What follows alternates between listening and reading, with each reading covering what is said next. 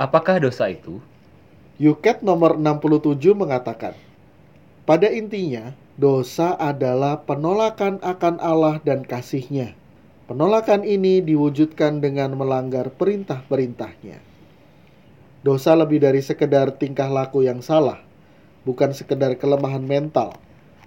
Dalam arti terdalam, setiap penolakan atau perusakan dari sesuatu yang baik adalah perusakan kebaikan itu sendiri, penolakan akan Allah.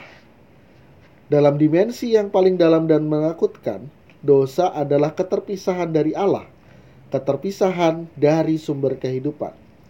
Itulah sebabnya maut merupakan akibat lain dari dosa.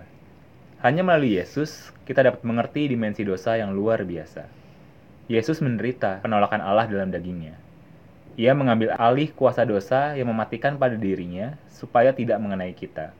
Itulah yang kita gunakan untuk hal ini adalah penebusan. Hai kawan-kawan muda yang tergabung dalam Yuket Indonesia Mari bersama satukan hati Jadi pelaku iman yang sejati Oke, halo sobat peziarah semua. Welcome back to podcast Peziarah Fit Yuket Indonesia. Karena semua kita adalah peziarah, Baik lagi bareng saya William saya Willem. Saya Romo Uut. Dan kita akan membahas satu hal yang menarik hari ini. Iya, sekali lagi kita dalam masa prapaskah kita ingin bertobat, maka kita perlu tahu tentang dosa. Wah. Sudah dipraktikkan kok. Jadi hari ini kita mau bahas apa nih tentang dosa William? Kita ingin menggali lebih jauh tentang dosa itu. Sebenarnya dosa itu apa? Lalu dosa asal juga, apa sih dosa asal itu? Iya. Lalu ya tentu bagaimana menjauh dari dosa dan lain sebagainya. Hmm. Termasuk bagaimana tentang pandangan dari 10 perintah Allah misalnya. Nanti kita akan bahas lebih detail dengan Romo Uut. Nah, sama Romo, pertanyaan pertama adalah apa sih dosa itu? Yes, apa itu dosa? Dosa bisa dikatakan ini ya, terpisahnya manusia dari satu Allah, dua diri sendiri, tiga sesama, lalu dari alam. Dosa itu berarti kan melawan Allah dan kehendaknya. Tapi bukan hanya Allah yang dilawan, dia juga melawan kemanusiaannya sendiri. Maka dalam katekismus dikatakan dosa juga melawan akal sehat. ya. Nah, itu itu pun merusak diri sendiri ya. Karena diri sendiri rusak, bagaimana bisa bergaul dengan orang lain ya kan dan dengan alam semesta. Maka dosa itu bisa dikatakan sebagai terpisah. Maka kata terpisah itu saya rasa cocok dengan dosa itu. Kita terpisah dari Allah, terpisah dari sesama, dari alam dan dari diri sendiri. Bahkan kita nggak kenal diri kita siapa. Nah, itulah dosa. Eh, untuk saya gambaran modern tentang dosa diwakili oleh tokoh Gollum dalam The Lord of the Ring. Siap. Itu My dia. precious. Ma- iya ya kan, dia kan karena ingin memiliki cincin itu ya, cincin kekuasaan itu, dia terpisah dari banyak hal kan, terpisah dari alam, dari kebaikan, dari sejuknya angin, dari enaknya roti, terpisah dari sahabat-sahabatnya, dan terasing dari dirinya sendiri sampai dia nggak tahu nama aslinya siapa. Semigol ya, dia nggak tahu namanya Semigol dulu. Dia hanya tahu namanya Gollum. Nah, itu gambaran paling untuk saya tepat tentang dosa seperti itu. Jadi jelek kan mukanya juga kan ya. Nah, Iya. itu. Kayak Itu- cuma pakai cawat aja. Iya dan makannya ikan mentah dan seterusnya. Maka dia terasing dari segala hal ya. Itulah dosa itu mengasingkan sebenarnya. Dan ada juga apa ya perpecahan antara dirinya dengan dirinya ya. Itu kan dia terpecah dia ya. Ada dua dua pribadi seolah-olah Hmm. split itu. Nah itu dosa seperti itu ya. Terpecah dari semuanya, dipisahkan ya. Nah itulah dosa. Gambarannya mudahnya seperti itu. Kalau akibat dosa sendiri terkait keterpisahan itu Romo atau Akibat dosa adalah dia terasing ya, dia terpecah. Maka dosa itu eh, keterpecahan orang sehingga tidak tahu mau ke mana atau dari mana. Maka paling mudah kita lihat dosa seperti alam ketika belum diciptakan oleh Allah, yaitu chaos, kekacauan. Itulah dosa. Itu akibatnya. Maka satu Paulus mengajarkan buah dari dosa adalah kematian. Kematian itu kan terpisah dari dari Allah, dari bumi, dari diri sendiri, dari sesama. Buah dari dosa adalah kematian. Tapi ingat, kematian bukan hanya kematian fisik, tapi pertama-tama juga kematian batin. Ingat ketika Adam dan Hawa digoda oleh setan, jangan sekali-sekali makan buah ini kamu akan mati. Dimakan tapi nggak mati Adam dan Hawa, tapi mati secara batin ya. Dia terpisah dari Allah, terpisah dari sesamanya, terpisah dari alam dan terpisah dari dirinya sendiri. Itulah arti kata mati. Ya. Mati deh gua. Nah itu kan kayak gitu loh. nggak tahu lagi Allah tujuannya, nggak tahu lagi apa yang harus dibuat. Nah itu. Nah, Romo, ada pertanyaan nih. Kalau misalkan kita berdosa dan Iya. kemudian kita melakukan perilaku baik, Iya. apakah berarti dosa itu terhapus dengan sendirinya, Romo? Tidak, Tidak. tidak. Do- perbuatan baik tidak bisa menghapus dosa. Hmm. Yang menghapus dosa adalah Yesus Kristus. Nah, itu dia. melalui sakramen pengampunan. Melalui sakramen pengampunan ya. Memang kita bisa melakukan silih ya, silih atas dosa itu bisa, tapi itu sebagai bukan menga- menghapus dosa, tapi sebagai pengganti ya. Itu seperti kita melanggar zona ganjil genap, ketangkep, kita kan lalu kan ada silihnya itu bayar ya. Tapi pelanggaran tetap ada. Kita bayar denda. Nah, perbuatan baik itu bisa di- dianggap sebagai silih, Hmm. sebagai denda. Maka kan habis pengampunan dosa ada Penitensi. Ya, itu itu memperbaiki apa yang dirusak oleh dosa kita. Tapi tidak dihapus dengan perbuatan baik kita. Nah, karena dosa itu dalam tanda kutip bisa dikatakan tadi dilawan melawan Allah dengan kata lain itu tidak taat pada Allah. Nah, itu dosa. Itu hanya bisa diampuni oleh Allah juga ya. Ketidaktaatan itu. Itu. Maka sekarang pertanyaan saya, saya kan banyak dengar pertanyaan, sekarang gantian, sekarang gantian saya nanya, apa bedanya orang Kristen sama iblis?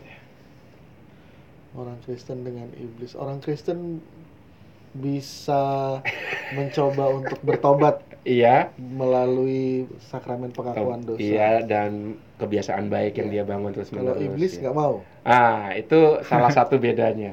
Mungkin saya lebih spesifik lagi.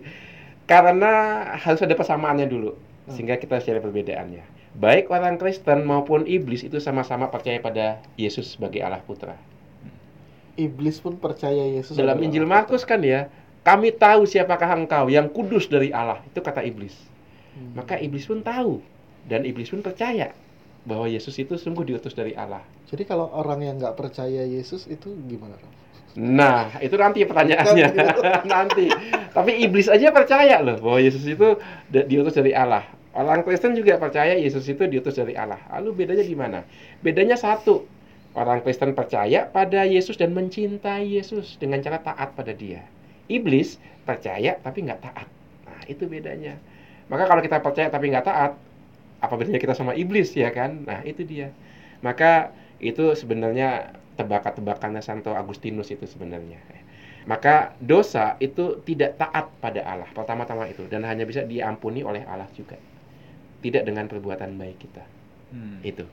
Lalu kalau misalkan orang Kristen bisa melakukan sakramen pengampunan dosa, lalu bagaimana caranya untuk orang yang bukan Kristen? Nah, bagaimanakah caranya? Ada, yaitu Gaudium et Spes, artikel berapa saya lupa. Tapi dalam et Spes, mungkin artikel 22, coba dicek nanti ya. Itu mengatakan demikian. Orang yang tidak mengenal Kristus secara misterius atau dengan cara yang hanya diketahui Allah itu dilibatkan dalam misteri Paskah yaitu wafat dan kebangkitan Kristus. Artinya dia diselamatkan juga. Selamat artinya dosanya diampuni, ya kan? Nah, itu. Dengan hanya cara yang diketahui oleh Allah, dia diselamatkan. Nah, itu dia. Itu bagaimana orang-orang non Kristen diampuni dosanya. Hanya Allah yang tahu. Tapi dosanya itu dihapuskan bukan karena kehebatan orang itu, tapi karena dia dilibatkan, dimasukkan dalam misteri Paskah Yesus. Karena dalam Ekaristi kan kita juga kerap kali mengalami ketika imam atas nama Yesus mengangkat piala, inilah piala darahku, darah perjanjian baru dan kekal yang ditumpahkan bagimu dan bagi semua orang demi pengampunan dosa. Nah, itu dia. Ketika itu terjadi, semua orang dilibatkan tuh. Pengampunan dosa diberikan kepada semua orang dalam Ekaristi itu. Berarti rahmat Allah itu tercurah untuk Tercurah semua untuk semua orang. Itu kita rayakan dalam Ekaristi. Maka Ekaristi itu bukan hanya untuk orang Katolik sebenarnya. Itu doa kosmik. Hmm. Artinya untuk semua orang dan untuk alam semesta. Maka ketika kita Ekaristi tidak hanya untuk menguduskan orang Katolik saja, tapi menguduskan dunia. dunia, yaitu semesta dan manusianya. Nah itu hebatnya ekaristi kita tuh. Salah satunya kelihatan waktu persembahan ya. Terpujilah engkau ya Allah. Iya kan, terbilang kau ya Allah dari Apa? kemurahanmu. Kami menerima hasil dari pohon anggur. Iya, itu kan Hasil dari bumi. hasil dari bumi, hasil dari bumi dan usaha manusia. Ya, itu dilibatkan tuh alam dan usaha manusia. Bukan hanya Kristen, manusia kok. Bukan hanya hasil dari bumi dan usaha orang Kristen kan enggak, usaha manusia juga. Nah, itu menariknya di situ.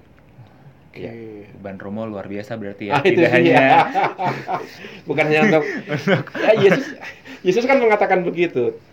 Ada juga domba-domba di luar kawanan ini yang harus kugembalakan ya. Imam kena juga di situ tugas menggembalakan domba-domba yang tidak ada dalam kawanannya sebenarnya.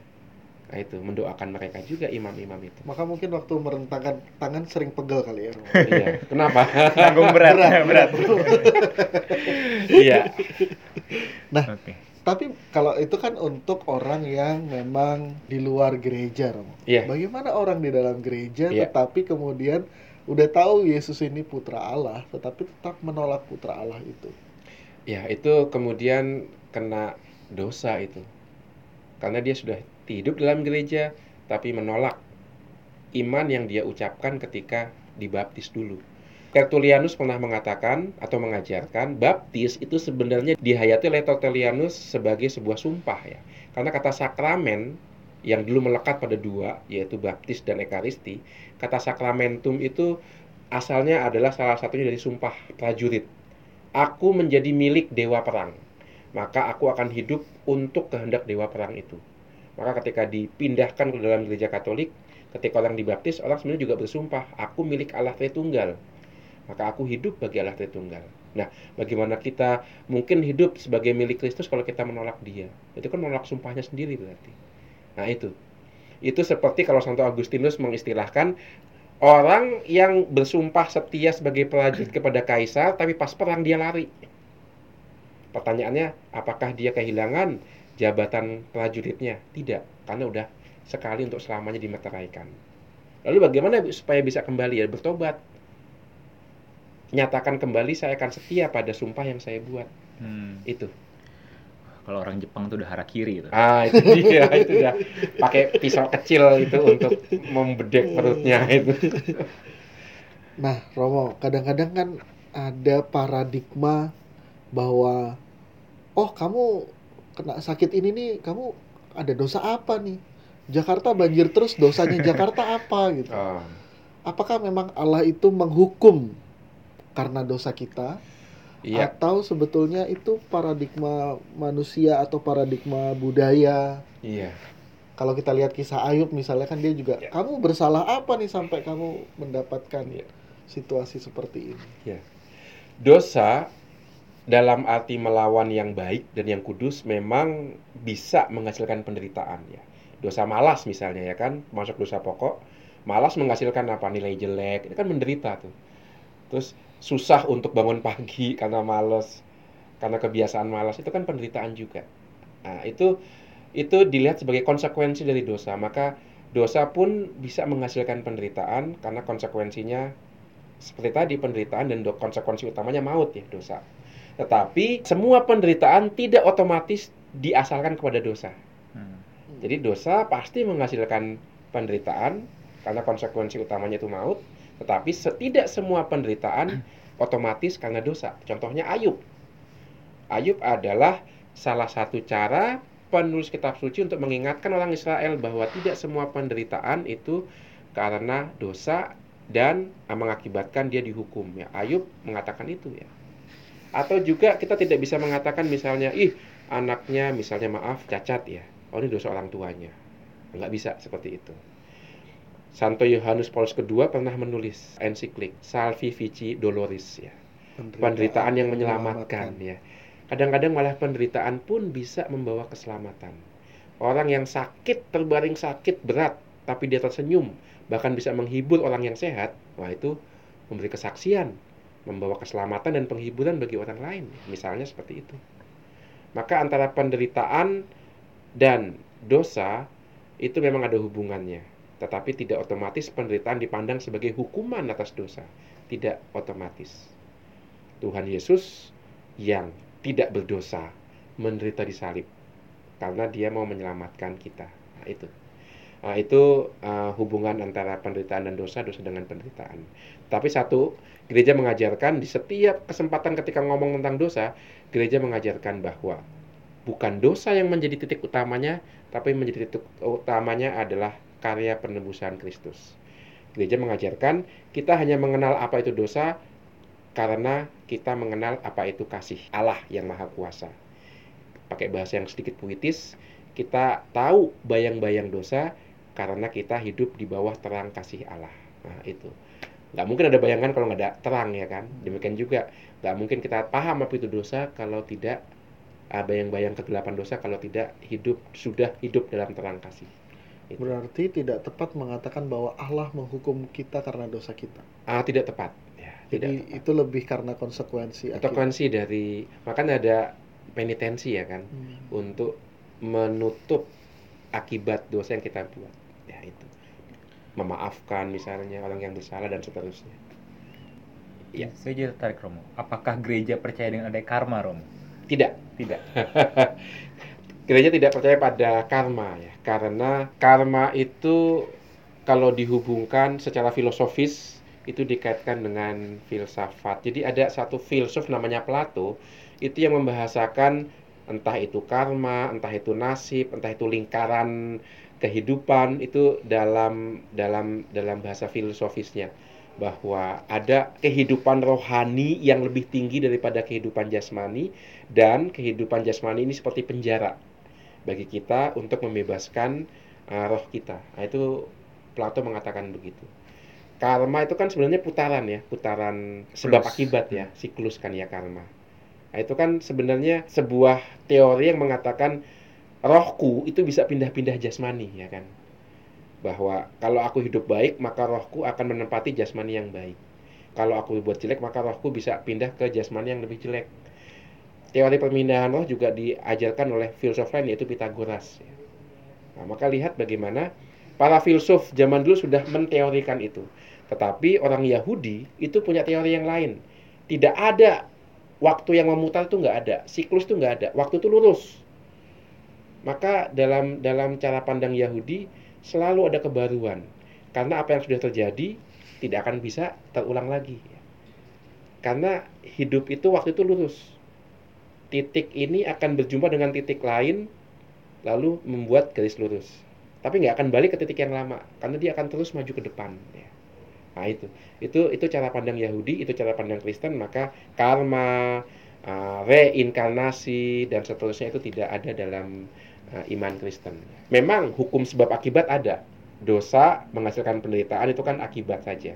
Tapi yang berjaya bukan itu, yang berjaya adalah pengampunan Allah. Maka dosa itu hanya bisa kita pahami di hadapan Allah yang selalu memberikan harapan dan pengampunan. Tanpa Allah, kita nggak tahu apa itu dosa. Nah, itu. Dosa selalu di hadapan Allah. Hmm. Ya. Oke. Okay. Yang memberikan harapan dan pengampunan. Itu. Tadi Romo sudah menjelaskan tentang dosa, kemudian bagaimana kecenderungan berdosa, kemudian bahwa Allah tidak menghukum karena kita berdosa, tapi ya itu sebetulnya ada konsekuensi. Tapi pertanyaan berikutnya, situasi berdosa, Romo. Itu yeah. apa sih Romo sebetulnya kata berdosa itu? Oh. Bisa dilukiskan seperti apa situasi? Situasi berdosa. berdosa. Ya, Nah, ini ada satu teori yang menarik yang bukan ajaran gereja tapi bagi saya kok pas ya. Jadi ada tiga level. Yang level pertama itu level estetik. Level estetik itu kayak kok saya rasa nggak bersih gitu ya. Itu secara secara estetik kita tuh mengalami itu ya, merasa nggak bersih, merasa kotor, merasa ternoda. Maka dalam banyak agama itu selalu disediakan air. Di gereja ada air suci ya kan untuk buat tanda salib sebelum masuk. Di masjid ada air wudhu ya kan. Di Hindu juga di kuil-kuil juga selalu diriciki air dan beras gitu kan untuk letakkan di dahi. Selalu air karena itu ada level estetik di mana kita dalam tanda kutip merasa ternoda. Itu levelnya objektif. Lalu yang kedua itu level subjektif yaitu merasa bersalah ini psikologis nih bukan estetik lagi tapi psikologis ya. Saya merasa bersalah karena nyuekin Willem ya misalnya ya kan. Maka saya aduh nggak enak nih sama Willem nih ya minta maaf ya kan. Itu merasa bersalah level subjektif. Nah dosa itu level yang paling tinggi. Karena dosa itu hanya muncul ketika ada harapan. Menarik itu. Karena dalam tradisi Yahudi dan tradisi Kristen dosa hanya muncul ketika kita berhadapan dengan satu harapan. Karena dosa itu kita sadari ketika kita dibuka pilihan kamu masih mau dalam situasi dosa atau mau pindah ke situasi baru yang namanya pertobatan. Nah itu. Dan siapa yang bisa memberikan harapan? Allah. Nah itu dia. Maka dosa itu levelnya di atas rasa bersalah. Karena dosa itu selalu kesadaran tentang dosa selalu muncul ketika ada harapan yang ditawarkan. Ketika tidak ada harapan yang ditawarkan, kesadaran dosa juga tidak muncul ya. Nah itu dia. Maka Bagaimana ngomong tentang dosa sebagai sebuah situasi, yaitu ketika kita sadar kita itu ternyata situasinya ada dalam kegelapan karena melihat terang dan tetap tinggal dalam gelap, nah itu dosa. Karena kita tidak menyambut terang itu, nah itu dia. Maka selalu dosa itu berhadapan dengan situasi lain yang lebih baik. Nah itulah situasi dosa seperti itu. Dan kita rupanya sebagai manusia cenderung memilih yang gelap dalam Injil Yohanes kan dinyatakan begitu ya. Terang sudah datang, tetapi manusia lebih memilih gelap karena kecenderungan-kecenderungan yang jahat. Maka dosa selalu berhadapan dengan harapan, dengan situasi yang lebih baik. Tidak pernah dosa berdiri sendiri. Kesadaran akan dosa selalu dihadapkan dengan situasi yang lebih baik. Itu dia. Oke, kalau hubungan dosa dengan kejahatan itu apa ya, Rom? Ah, dosa dan kejahatan. Nah, kejahatan itu sendiri kan dari kata jahat. Jahat itu kan sebuah kuasa. Kuasa yang membuat kita cenderung memilih untuk menolak Allah. Maka kejahatan itu tidak hanya sebuah tindakan tapi sebuah kekuatan. Kuasa yang mendorong kita untuk mengikuti kecenderungan jelek kita, memilih yang tidak baik. Itulah kejahatan. Jadi sebuah kuasa, kekuatan yang mendorong kita untuk memilih yang tidak baik. Nah, itu dia. Itu seperti mobil Formula E lebih memilih jalur yang banjir daripada jalur yang kering, ya kan? Formula E kan bagus tuh. Tapi kalau milih jalur yang kering, wah dia mantap itu, bagus itu bisa promosi uh, mobil tanpa polusi ya kan. Tapi kalau milih jalur yang basah, ya dia konslet ya kan. Demikian juga kejahatan mendorong kita untuk memilih jalur yang jelek. Nah, itu kejahatan sehingga kita berbuat dosa. Itu dia hubungannya di situ. Dosa asal Romo. Dosa Apa asal. itu dosa asal Romo? Dosa asal, original sin. Dosa asal sebenarnya sebuah keyakinan bahwa manusia itu punya kecenderungan untuk memilih yang jelek daripada yang baik. Lihat kembali kan pilihan ya. Dosa itu selalu terkait dengan pilihan. Yaitu kesadaran bahwa manusia punya kecenderungan untuk memilih yang jelek dan menolak yang baik itu bukan sesuatu yang ditempelkan tapi sudah melekat dalam diri kita. Nah, itulah dosa asal ya. Yaitu kecenderungan kemampuan untuk menolak Allah dan memilih yang bukan Allah. Nah, itu dosa asal seperti itu. Artinya asal kan asal usul. Artinya terbawa bersama dengan kelahiran kita. Nah, itu yang, di, yang dikatakan dosa asal itu bersifat objektif.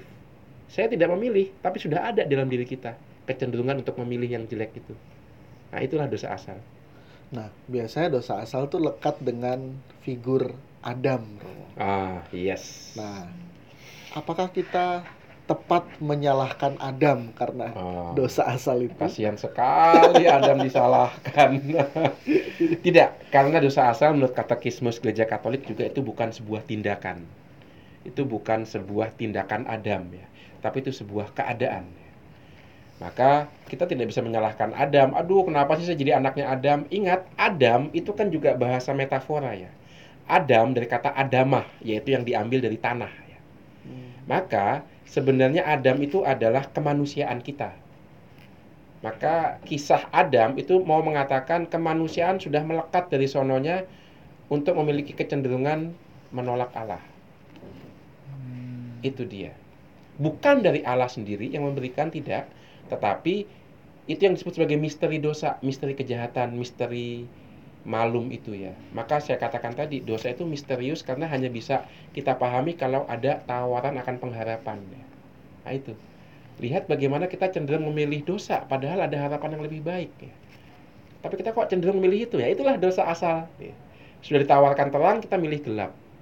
Ditawarkan apa namanya sukacita kita milih kesedihan. Kok kita cenderung milih yang itu?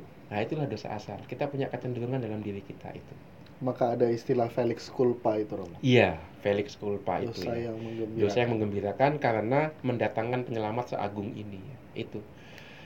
Maka dengan kedatangan Yesus semakin nyata kecenderungan kita untuk memilih yang jelek. Ya. Nah, itu maka di bawah terang salib semakin jelas kegelapan bayang-bayang dosa itu. Nah, itulah dosa asal seperti itu. Itu madah yang akan kita nantikan di malam Paskah. Iya, itu dia kita sudah mengantisipasi itu. nah, kata-kata Romo tadi tentang kecenderungan sebetulnya sama dengan kata-katanya Paus Benediktus ke-16 yang mengatakan iya. bahwa di dalam diri kita masing-masing kita membawa setetes racun dalam pikiran yang digambarkan dalam kitab kejadian. Digambarkan ya, betul. Manusia tidak mempercayai Allah, dicobai oleh ular, ia menabur kecurigaan bahwa Allah adalah lawan kita yeah. yang menghalangi kebebasan kita dan bahwa kita dapat menjadi manusia sepenuhnya jika memikirkan Dia. Iya, yeah, itu dia. Dan kalau sobat peziarah semua pengen mengulas lebih jauh tentang dosa asal bisa melihat di Yukat nomor 68 dan 69. Jualan mulu nih. Karena menarik di sini juga mengatakan bahwa kita bukannya dipaksa berdosa karena dosa asal. Betul. Kenapa? Nah, baca Yuket. Iya. yes. Dan mungkin tambahan ya, transmisi dosa asal sampai ke kita itu tidak dijelaskan. Gereja nggak menjelaskan bagaimana. Apakah karena kita keturunan genetis dari Adam dan Hawa? Gereja nggak menjelaskan itu lihat bagaimana gereja pun membatasi diri ya. Maka salah kalau kita mengatakan gara-gara Adam nih keturunan nenek moyang kita maka kita dosa. Enggak. Masa transmisinya melalui gen dosa kan nggak mungkin ya. Bukan itu. Bukan itu konsep dosa asal yang diajarkan gereja termasuk oleh Santo Agustinus tidak. Sebenarnya kan Agustinus lebih mengeksplisitkan tentang dosa asal itu ketika dia melawan Pelagianisme. Karena Pelagius mengajarkan manusia cukup dengan kehendak baiknya bisa sampai pada keselamatan. Oh, Agustinus mengingatkan, eh, nggak cukup dengan kehendak baik, karena kehendak manusia sudah dilukai oleh dosa. Maka Agustinus dengan demikian mengeksplisitkan iman akan ajaran tentang adanya dosa asal. Tetapi ingat Agustinus tidak mengatakan hakikat manusia, hati manusia sudah rusak sepenuhnya sehingga tidak mungkin diselamatkan. Tidak mengajarkan itu. Mengajarkan hati manusia punya kecenderungan baik dan kecenderungan jahat. Maka nggak cukup hanya dengan kehendak baik perlu hadir penyelamat untuk memberikan terangnya. Dan kemudian kita semakin bisa memilih yang baik. Nah, itu. Tambahan tentang transmisi dosa asal. Yang jangan dibayangkan karena keturunan secara genetis. Enggak. Bukan. Bukan itu. Oke luar biasa. Romo di dalam gereja itu kan ada lima perintah gereja, sepuluh perintah Allah, yeah. ada hukum kasih. Yeah. Apakah kalau kita melanggar hukum-hukum itu, itu yang kemudian disebut dengan berdosa?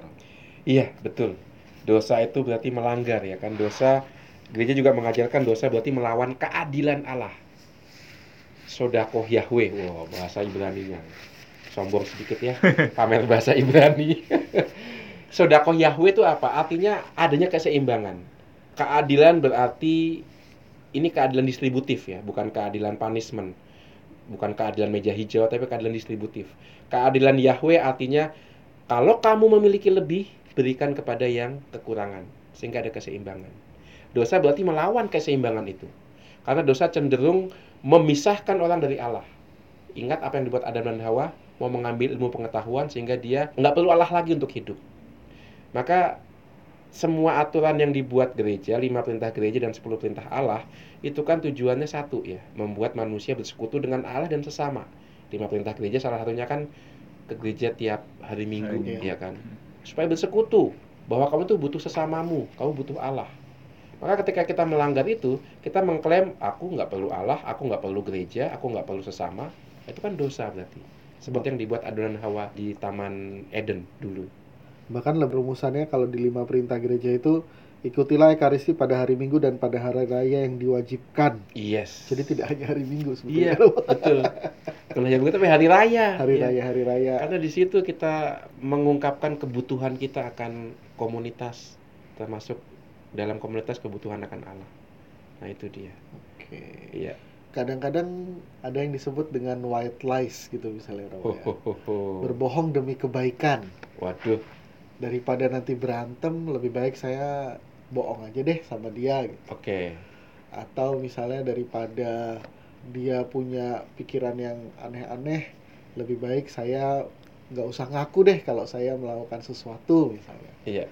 apakah itu juga disebut dengan dosa Rob? Iya, maka di sini kita sebenarnya bidangnya itu masuk ke moral, tapi terutama soal kebijaksanaan ya. Ini kan nanti kan dilihat dari intensinya maunya apa ya.